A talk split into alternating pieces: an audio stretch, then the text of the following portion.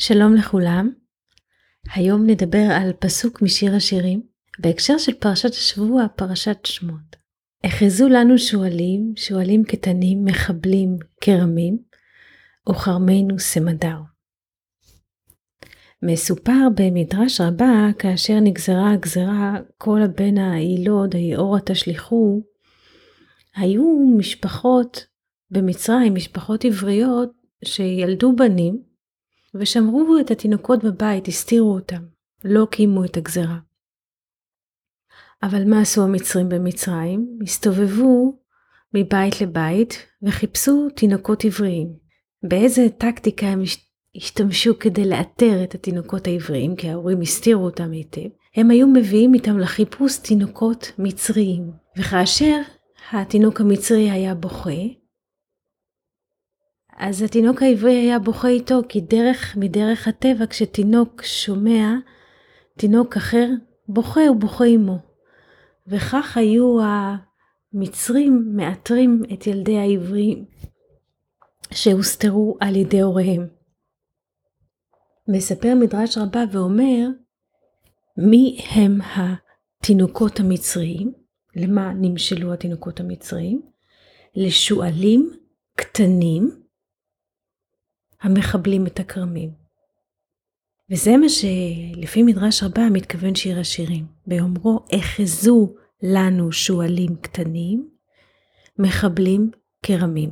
זאת אומרת השועלים הקטנים הם התינוקות המצריים, שכאשר קרבו אותם אל הימצאות התינוקות העבריים, הם גרמו לגילוי התינוקות העבריים.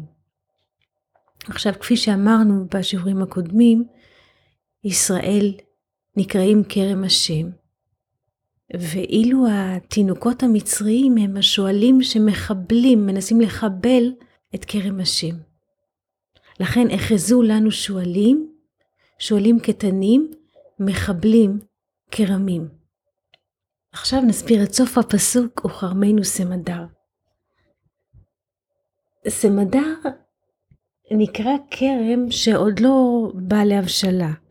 זאת אומרת, הפוטנציאל של הכרם כמו ניצן בפרח. אבל אם ניכנס ונעשה זום פנימה לגבי המילה סמדר, נוכל לראות סוד.